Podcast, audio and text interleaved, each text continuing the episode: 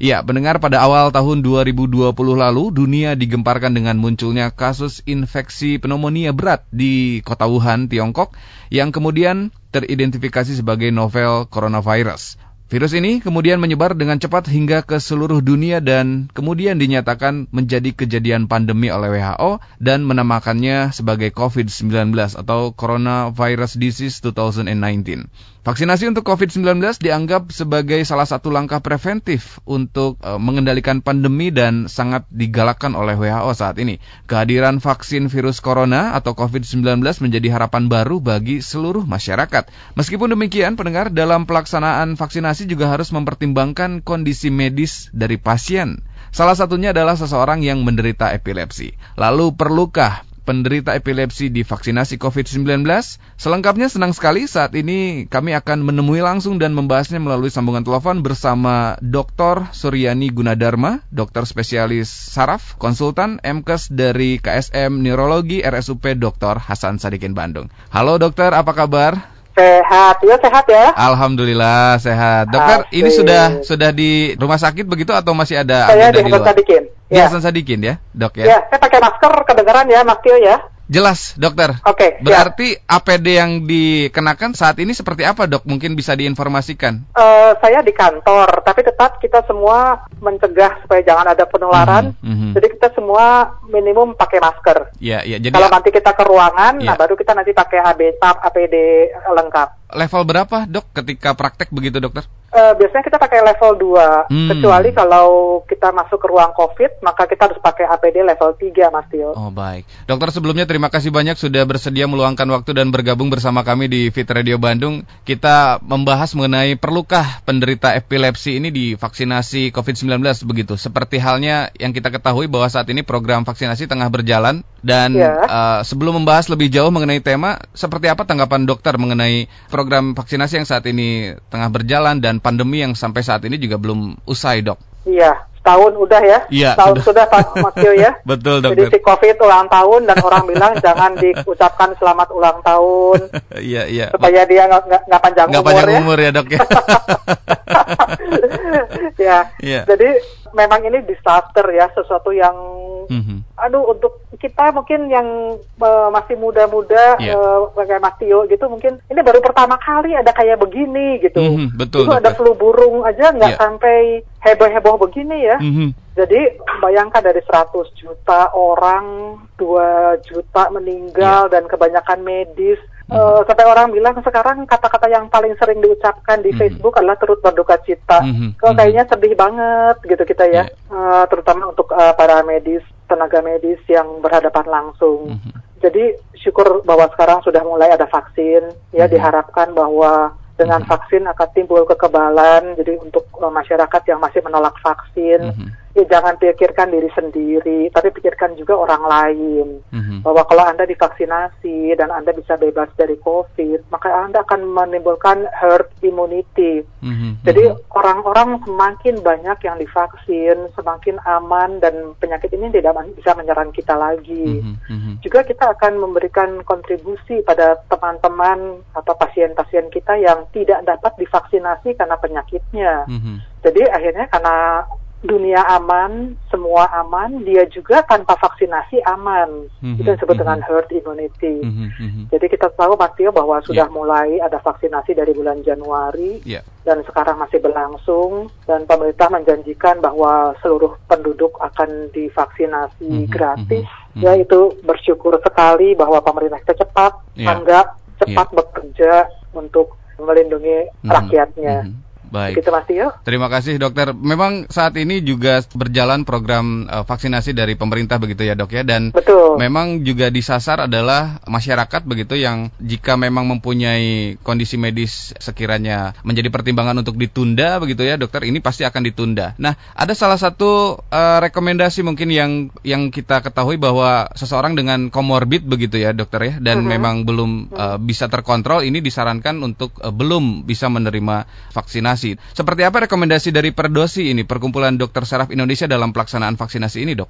Ya, jadi uh, Perhimpunan Dokter Spesialis Saraf Indonesia mm -hmm. uh, bilang bahwa secara umum sebaiknya sebanyak mungkin orang divaksinasi Mhm, ya mhm. dan khususnya untuk epilepsi itu tidak Mhm. ada kontraindikasi untuk divaksinasi dengan uh, ketentuan bahwa dia tidak punya komorbid Hmm, ya misalnya penyakit uh, epilepsinya bukan karena penyakit autoimun Hmm. bukan sesuatu hal yang akut baru kejadian beberapa hari, uh, tetapi epilepsinya sudah uh, memang dijalani atau dialami pasien ini. Mhm. Ya, jadi salah satu kontraindikasinya adalah kalau pasien punya komorbid, ya Hmm. seperti ada konsens dari dokter penyakit dalam, Mhm. ada beberapa uh, orang yang memang komorbid yang tidak boleh divaksinasi, Baik. dan juga pasien epilepsi anak-anak di Hmm. bawah 12 tahun Mhm. itu belum boleh karena kita vaksinasi kan 18 tahun ke atas ya Ya.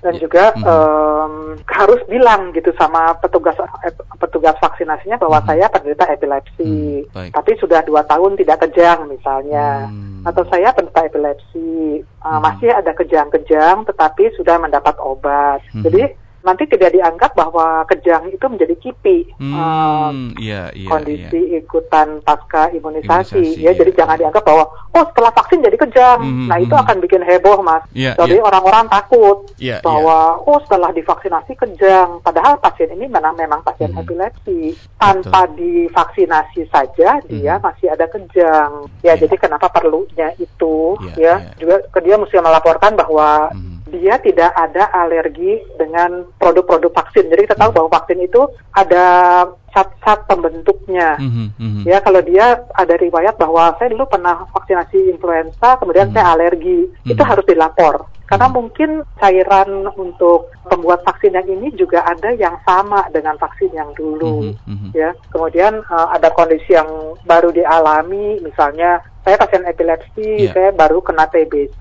Nah, itu Hmm. mungkin kalau TBC-nya belum diobatin dua minggu, mungkin Hmm. jangan vaksin dulu. Tapi bukan karena epilepsinya, tapi Hmm. karena penyakit penyertanya. Baik. Ya, kemudian juga obat-obat perlu dilaporkan. Mhm. Kemarin ada pasien saya, dia bilang saya Ya. minum parastamol, kemudian di nggak boleh vaksinasi. Ya, Memang ya. betul, ya tidak boleh. Juga juga kalau pasien epilepsi sedang hamil atau menyusui, Mhm. mungkin Mhm. uh, sebaiknya jangan divaksinasi dulu. Baik. Ya, ditunda, Ditunda bukannya tidak ya, boleh. dokter. Ya, Baik, betul. Gitu. terima kasih. Ini berarti dalam artian untuk pengidap epilepsi ini masih bisa divaksin dengan catatan tidak punya komorbid begitu ya, dokter? ya? Betul. Baik. Ya.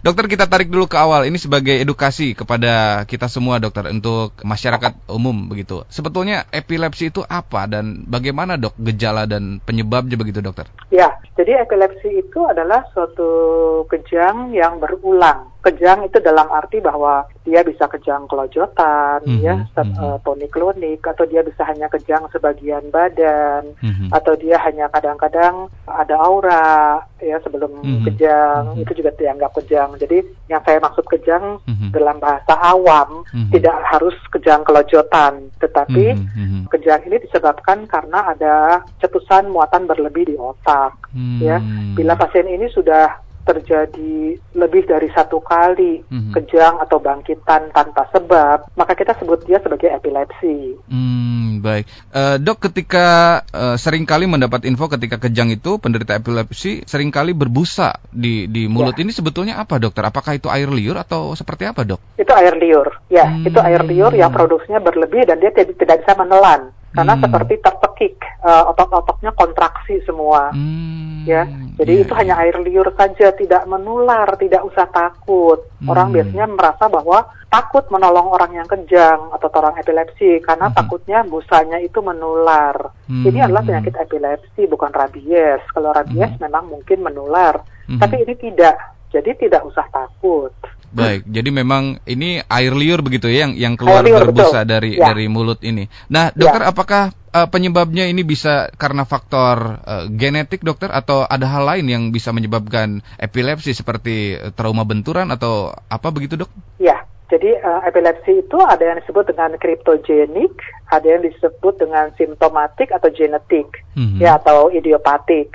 Mhm. Jadi bisa uh, turunan walaupun dalam jumlah kecil, Mhm. bisa simptomatik karena dia ada trauma benturan atau Mhm. karena dia ada tumor atau pasca Mhm. stroke itu bisa membuat uh, kejang epilepsi, Mas. Baik, Uh, pencetusnya seperti apa dokter jika memang mempunyai riwayat epilepsi genetik misalkan diwariskan begitu ya dokter ya. Nah, Mhm. hal apa yang biasanya umum terjadi ketika epilepsinya kambuh begitu dok? Kejangnya kambuh dok? Apakah sebagai tanda tertentu atau memang tiba-tiba kejang saja begitu dokter? Ya, uh, kita tidak tahu. Jadi, jadi misalnya bapak ibu bapaknya ada genetik, belum Iya. tentu anaknya semua kena. Jadi Oh. mungkin hanya tiga persen, dikatakan 3 sampai lima persen. Mhm, mhm. Jadi kalau dia punya anak lima mungkin kena satu. Oh, eh, sorry kalau dia punya anak 100 mungkin kenanya lima. Tapi kan Oh, nggak oke. mungkin anak punya punya anak 100 ya. Iya Jadi iya. cukup kecil ya Mhm, dan mhm. biasanya kalau di genetik itu kita nggak tahu Hmm. kenapa yang kena yang ini walaupun Hmm. ada eh, distribusi laki atau perempuan. Iya iya. Bahwa tipe yang ini lebih banyak pada anak yang laki, Mhm. pada tipe yang ini bi- lebih banyak pada anak yang perempuan. Mhm. Ada yang seperti itu. Baik. Tapi kalau memang genetik biasanya tidak ada pencetus. Nah, Iya, dokter juga mungkin eh, mendapatkan informasinya beberapa waktu lalu di Bandung khususnya begitu ya, ada penderita epilepsi yang memang eh, istilahnya apa ya, kejang di jalan begitu dokter yang sampai orang-orang juga ketakutan begitu untuk untuk membantu. ya. Apakah memang bisa serta merta langsung terjadi begitu dokter? Kejang pertama maksudnya atau Iya, ketika orangnya baru kejang di jalan Di- pertama? eh, ketika memang sudah dibawa ke rumah sakit, memang akhirnya diketahui bahwa eh, seseorang tersebut menderita epilepsi, dokter. Berarti Ya. memang ada eh, sempat berulang begitu ya, dokter ya? Ya, Nah. jadi kebangkitan ini berulang dan Mhm. bisa terjadi di mana saja, Di mana kapan saja. saja. Oh, baik. Bisa terjadi di mana saja dan kapan saja begitu ya, dokter ya? Baik, dokter terima kasih. Dan untuk Anda pendengar jika ada keluhan yang ingin dikonsultasikan bersama dokter silahkan bisa hubungi line WhatsApp atau juga SMS kami. Nomornya di 0811 2102948 kami ulangi sekali lagi nomornya di 0811 2102948 ataupun juga bisa DM atau mention kami melalui akun media sosial Twitter @fitradio_bandung. Baik dokter, kita kembali lagi ke tema dokter. Perlukah penderita epilepsi ini divaksin COVID-19? Lalu hal apa yang harus menjadi perhatian khusus setelah eh, vaksinasi baik untuk eh, semua begitu khususnya atau yang mempunyai komorbid atau epilepsi ini dokter? Ya, jadi di Hasan Sadikin sudah dilakukan vaksinasi untuk lebih dari 3.000 orang. Mhm. Kemudian saya tanya, apa KIPI yang paling sering? Ya, Mhm. ternyata KIPI yang paling sering adalah kelelahan, ngantuk, Mhm, ya. mhm, Ada beberapa yang demam, ya. mhm, mhm. Dan ada memang pasien yang demam ini bisa menimbulkan kejang. Saya nggak bilang semua, tetapi ada orang yang triggered. Jadi epilepsi triggered off by fever. Jadi dia kejangnya di-trigger dengan panas badan Hmm. atau infeksi. Nah, ini Mhm. mungkin bisa terjadi setelah divaksinasi, timbul panas badan, kemudian Mhm. timbul kejang. Tapi itu memang kondisi yang ikutan pasca pasca imunisasinya Imunisasi. adalah hanya panas badannya saja. Mhm, Tapi mhm, kemudian karena memang pasien ini rentan terhadap mhm. demam dan demamnya menimbulkan kejang, jadi Mhm. akan timbul kejang. Mhm. Kemudian obat-obat yang sedang dikonsumsi harus tetap dikonsumsi Mhm, dan setelah vaksinasi tetap bahwa kita tidak 100% aman. mhm. Tetap kita harus menjaga jarak, cuci tangan, kita pakai masker, ya tetap Mhm. harus ada dilakukan hal-hal seperti itu. Jadi KIPI yang sering muncul adalah Iya. untuk epilepsi yang kita takutkan adalah demam. Jadi Mhm. kalau memang ada demam boleh minum paracetamol Hmm. eh, setelah vaksinasi. Baik, dokter untuk epilepsi sendiri bisa diketahui sejak dini begitu dokter dari mulai kecil atau seperti apa dok? Eh, ada orang ada anak yang dia mengalami kejang demam. Jadi Mhm. umur satu tahun dia panas 40 derajat dia kejang. Hmm. Umur 2 tahun dia panas 39 derajat dia kejang. Mhm, mhm. Nanti di umur 5 tahun dengan hanya 37,5 dia kejang. Hmm. Jadi kita pikir oh ini anak mungkin suatu ketika bisa tanpa panas pun dia bisa kejang. Jadi dia kita Mhm. sebut dengan epilepsi. Hmm. Karena epilepsi itu harus tidak ada uh, faktor pencetusnya. Jadi Hmm. suatu ketika dia akan akan kejang tanpa panas. Hmm. Itu menjadi epilepsi. Mhm. Atau anak yang mungkin dari kecil sudah ada kejang karena ada infeksi di otak, misalnya encephalitis atau penyakit infeksi virus di otak. Iya, iya. Itu akan menjadi penyebab kejang di kemudian hari. Mhm. Baik, dokter epilepsi ini bisa disembuhkan atau hanya bisa dikontrol dok?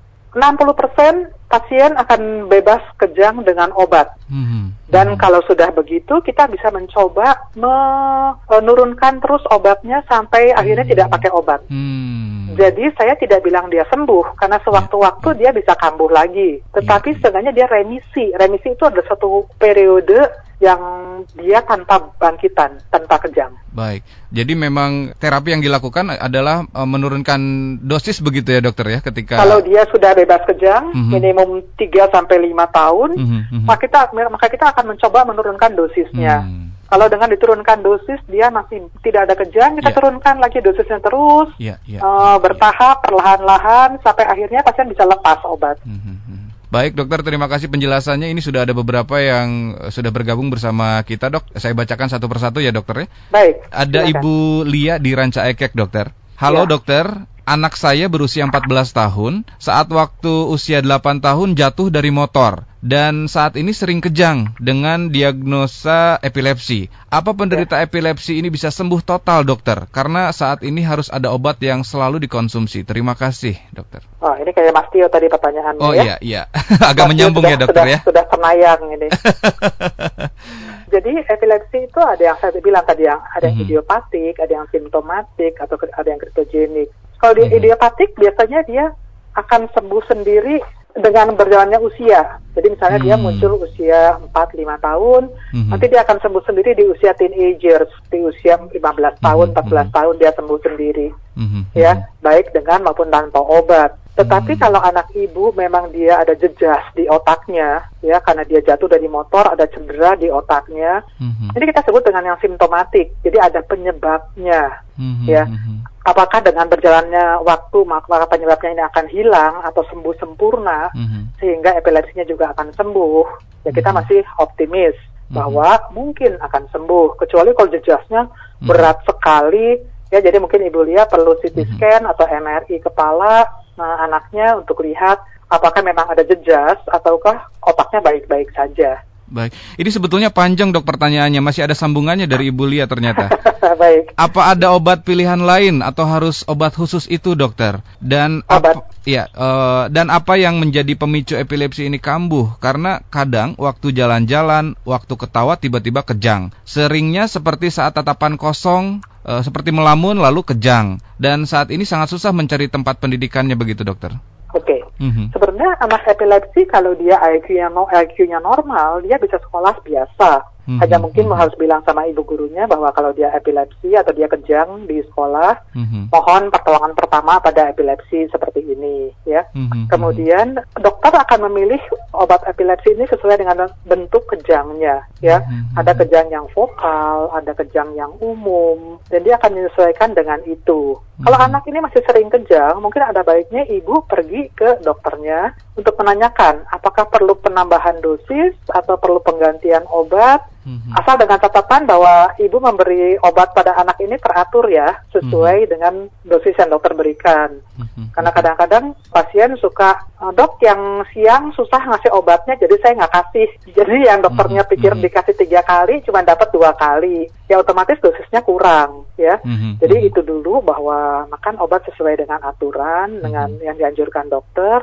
Kalau masih kejang, kembali ke dokter yang itu. Ya bukan Hmm. dokternya bodoh atau salah obat, Mhm. tetapi memang mungkin belum cukup dosisnya Hmm. atau mungkin belum tepat obatnya. Iya, ya. iya, Jadi eh, ada baiknya ibu kontrol kembali ke dokter yang memberi Mhm, obat. mhm, Baik. Eh, gitu mas? Baik, diselesaikan dengan dokter yang sama dulu begitu ya proses Betul. pengobatannya dokter ya. Baik, dokter ada lagi nih tapi tidak disebutkan namanya. Apakah epilepsi ini menular dokter? Lalu pertolongan seperti apa yang bisa dilakukan? Masyarakat umum kalau menemukan kasus penderita epilepsi selalu takut duluan. Ya. Jadi eh, mungkin mulai dari ibu atau bapak dulu Ya. bahwa epilepsi ini tidak menular. Ya Tidak tidak, menular, ada ya. epilepsi yang menular. Mhm, mhm. Jadi andai kata menemukan pasien eh, tiba-tiba kejang, pertama kita jangan takut Mhm, ya. mhm, Jadi kita mhm. mungkin miringkan dulu badannya Iya. pasien eh, dengan harapan dengan dimiringkan air ludahnya bisa keluar lewat Hmm. eh, sisi mulut Iya. sebelah ya. Iya, Kemudian eh, jangan ditahan kejangnya karena pasien ini tidak Oh. sadar apa yang dia lakukan. Mhm, mhm. Ya, jadi kalau ditahan dia juga tetap akan meronta-ronta dan itu bisa bikin patah tulang kalau sampai ditahan. Hmm. Jadi cukup dimiringkan, kemudian uh, dibersihkan uh, ludahnya, kemudian uh, longgarkan pakaian yang uh, mengikat, misalnya Hmm. orangnya pakai dasi, longgarkan dasinya, Mhm, pakai mhm. ikat pinggang, longgarkan ikat pinggangnya, ya terutama Mhm. yang ketat-ketat lah, karena dia perlu oksigenasi. Mhm, mhm. Kemudian jangan masukkan apa pun ke dalam mulutnya. Kadang-kadang orang bilang, Mhm. takut lidahnya tergigit, jadi Iya. saya masukkan sendok. Ya, nggak Iya. perlu, asal dimiringin cukup. Ya.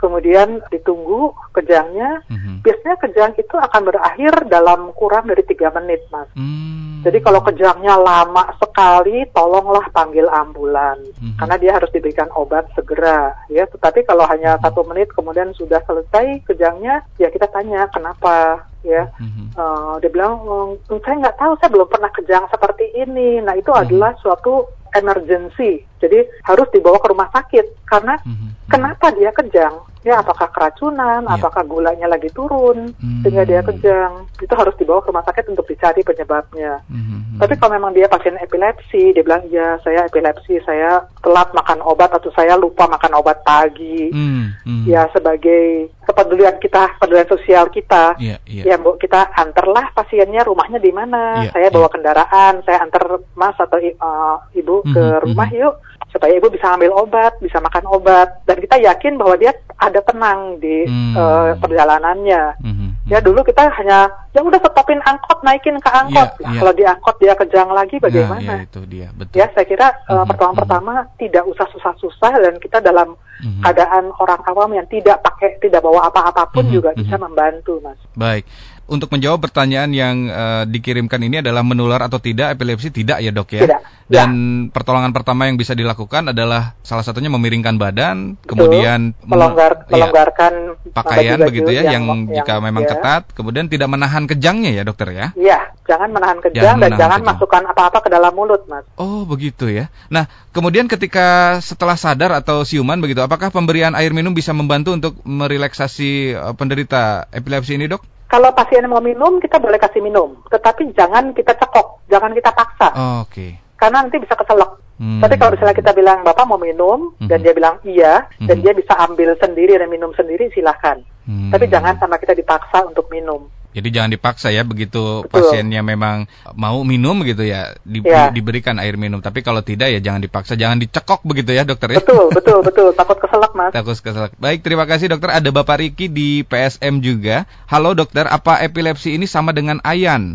Atau kalau bayi ada yang kelewat panas di masyarakat sering disebut step begitu dokter? Mungkin bisa Ya. ditanggapi dok. Ya, epilepsi di ada punya banyak nama di tiap daerah ya. Hmm. Di orang Sunda namanya ayan, Ya. pakalor. Hmm. Ya di Sulawesi mungkin namanya babi gila atau apa Hmm, gitu. Jadi hmm. ada beberapa istilah yang ya tetap akhirnya epilepsi juga ya. Hmm, hmm, hmm. Tadi betul yang Pak Riki bilang bahwa Iya. pada anak kecil dengan panas badan kita sebut dengan step. Kalau Hmm. kita sebutnya sebagai kejang demam. Ya step itu Iya. adalah dari bahasa Belanda step mungkin ke bawah karena kita jadi ikutan step step step gitu. Iya, Tapi eh, bahasa Indonesia adalah kejang demam. Betul. Kejang yang disebabkan Hmm. karena dia demam atau kejang yang terjadi pada saat orang tersebut demam.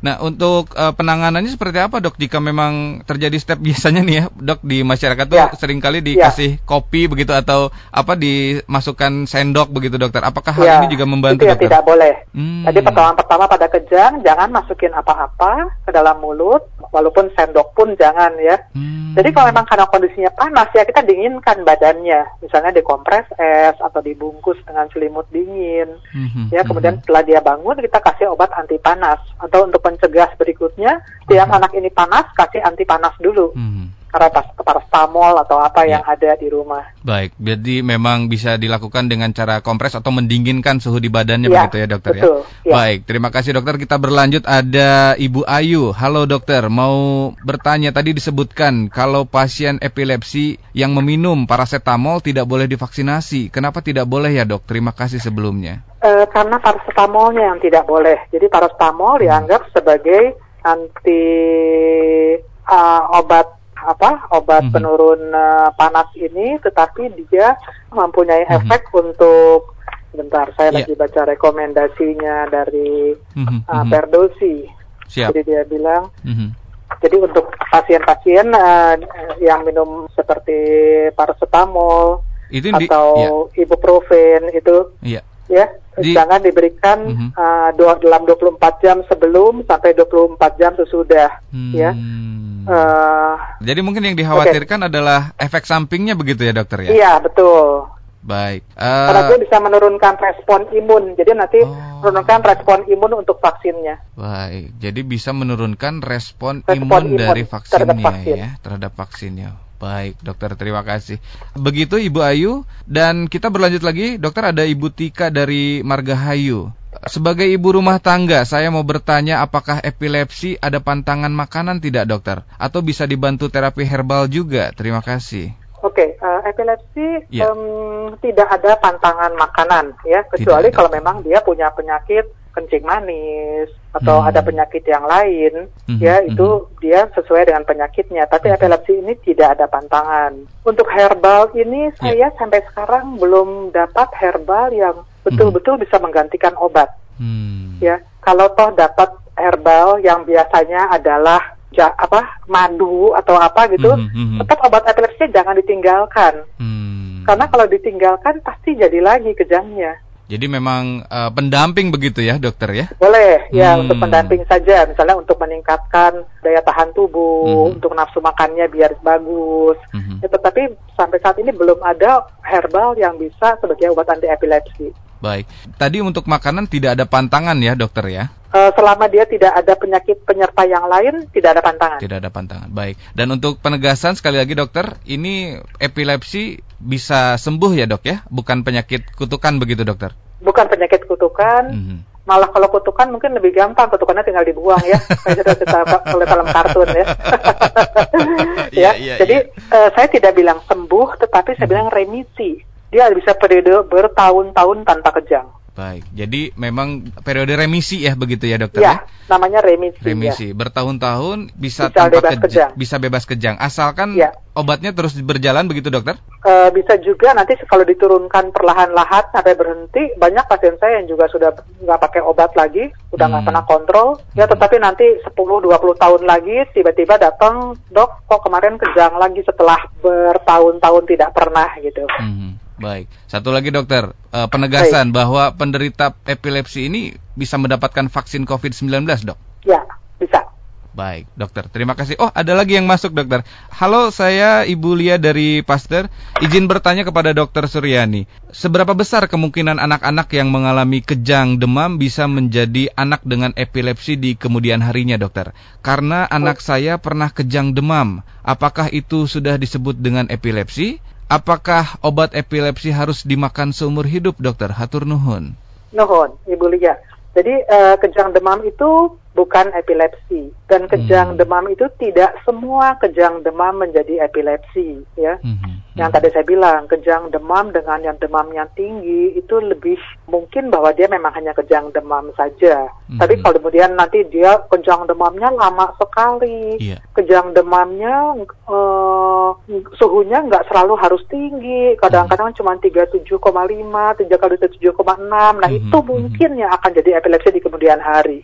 Baik. Jadi memang untuk saat ini belum bisa disebut dengan epilepsi begitu ya, dokter? ya? Belum, kejang demam sendiri belum, jadi tidak perlu obat anti epilepsi dulu. Belum baik. Seperti itu Ibu Lia di Pasteur. Terima kasih dokter sudah menanggapi interaksi dari pendengar. Sebagai penutup mungkin closing statement yang bisa disampaikan kepada kita semua mengenai pembahasan eh, kita hari ini bahwa perlukah penderita epilepsi divaksin COVID-19, dokter? Ya, uh, fit listener, saya Dr. Suliani Gunadarma, SPSK MKes. Pesan saya, walaupun Anda epilepsi, tidak menjadi kontraindikasi untuk Anda divaksin. Ya, kalau memang Anda ragu-ragu, hubungi dokter Anda untuk uh, menyatakan bahwa apakah Anda boleh divaksin. Karena menurut saya bahwa epilepsi kecuali ada komorbid, uh, komorbid yang tidak boleh, maka dia uh, bukan pengecualian buat divaksin. Mhm. Jadi kita tetap hidup sehat, Mhm. kita juga menjaga orang lain ya dengan cara vaksinasi. Kemudian juga ada berita baik bahwa kita setiap tahun ada yang disebut dengan Purple Day atau Hari Epilepsi Dunia. Mhm. Kita akan menyelenggarakan juga pada tanggal 10 April Hmm. dalam bentuk Zoom meeting. Hmm. bersama pakar epilepsi dan epilepsi anak uh, berupa acara ilmiah, ada kuis, ada TikTok persembahan hmm. dokter-dokter calon spesialis saraf hmm, hmm, hmm, dan gak ketinggalan ada door prize juga hmm. bagi siapa yang bisa menjawab kuis dengan baik hmm, hmm, ya jadi kontak personnya bisa menghubungi dokter Elber hmm. nomor kosongnya boleh dicatat yeah. 0815 hmm. 603 7802. Baik. Atau ya. Dokter Linda dengan nomor 0813 mm -hmm. 9469 4098. Ya, bisa mohon diulangi dokter tadi ada kontak personnya dokter Elber Dokter begitu? Elber 0815 mm -hmm. 6037 ya. 802. Mm -hmm. Atau dokter Linda hmm. 0813 yeah. 9469 4098. Jadi Baik. tolong daftar sebelum tanggal 10 April, mm -hmm. tanggal 9 masih supaya kita bisa melihat mm -hmm. berapa kapasitas Zoom yang kita perlu sewa untuk mm, hari itu. Baik. Ini... Dan yang pasti jangan ya. lupa Healthy Lifestyle Radio dan Stay Fit for Life di 94,8 FM Bandung, Mas. Hatur nuhun, terima kasih banyak dokter untuk waktu dan kesediaannya bergabung bersama kami. Semoga tidak pernah bosan untuk bisa selalu mengedukasi ya dokter ya. Baik, terima kasih sama-sama. Sama-sama sehat selalu dan selamat beraktivitas Satur Nuhun. Demikian pendengar perbincangan kami bersama Dr. Suryani Gunadarma, dokter spesialis saraf konsultan, MKes dari KSM Neurologi RSUP Dr. Hasan Sadikin Bandung. Semoga perbincangan kami bisa memberikan informasi dan juga meningkatkan kesadaran kita semua akan pentingnya kesehatan juga penerapan gaya hidup yang sehat terutama di masa pandemi seperti saat ini. Anda bisa menyimak kembali setiap episode perbincangan kami bersama para narasumber melalui podcast podcast Spotify Fit Radio Bandung. Tetap fit, tetap sehat, tetap semangat fit listeners, and stay fit for life.